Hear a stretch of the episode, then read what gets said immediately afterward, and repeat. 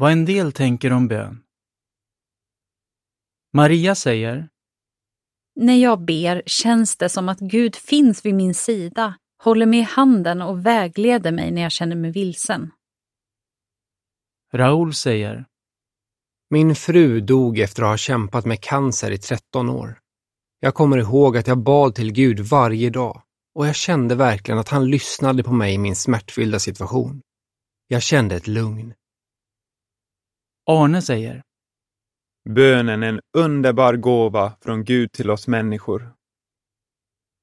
För Maria, Raoul, Arne och många andra är bönen en unik gåva. De ser det som en möjlighet att prata med Gud, tacka honom och be om hans hjälp. De instämmer helt och fullt i det som står i Bibeln.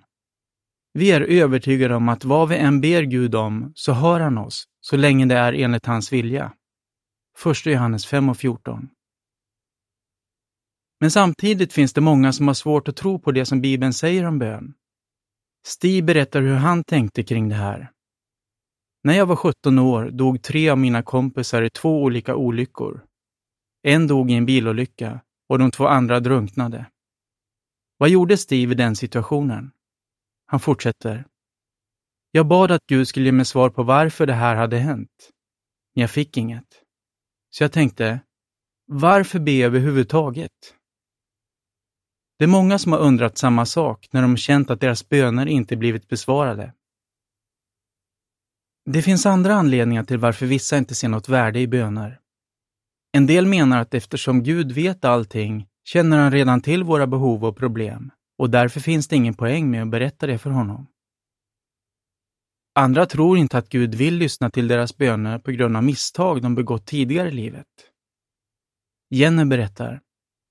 Mitt största problem är att jag känner mig värdelös.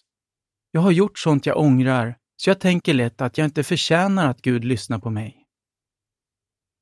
Hur känner du för att be?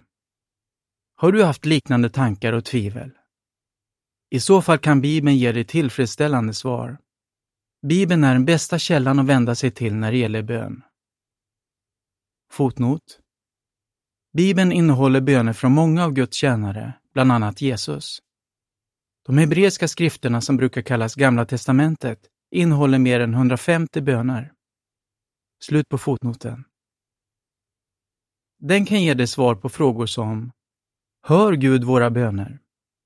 Varför blir en del böner inte besvarade? Hur kan du be för att få svar? Hur kan bönen hjälpa dig? Slut på artikeln.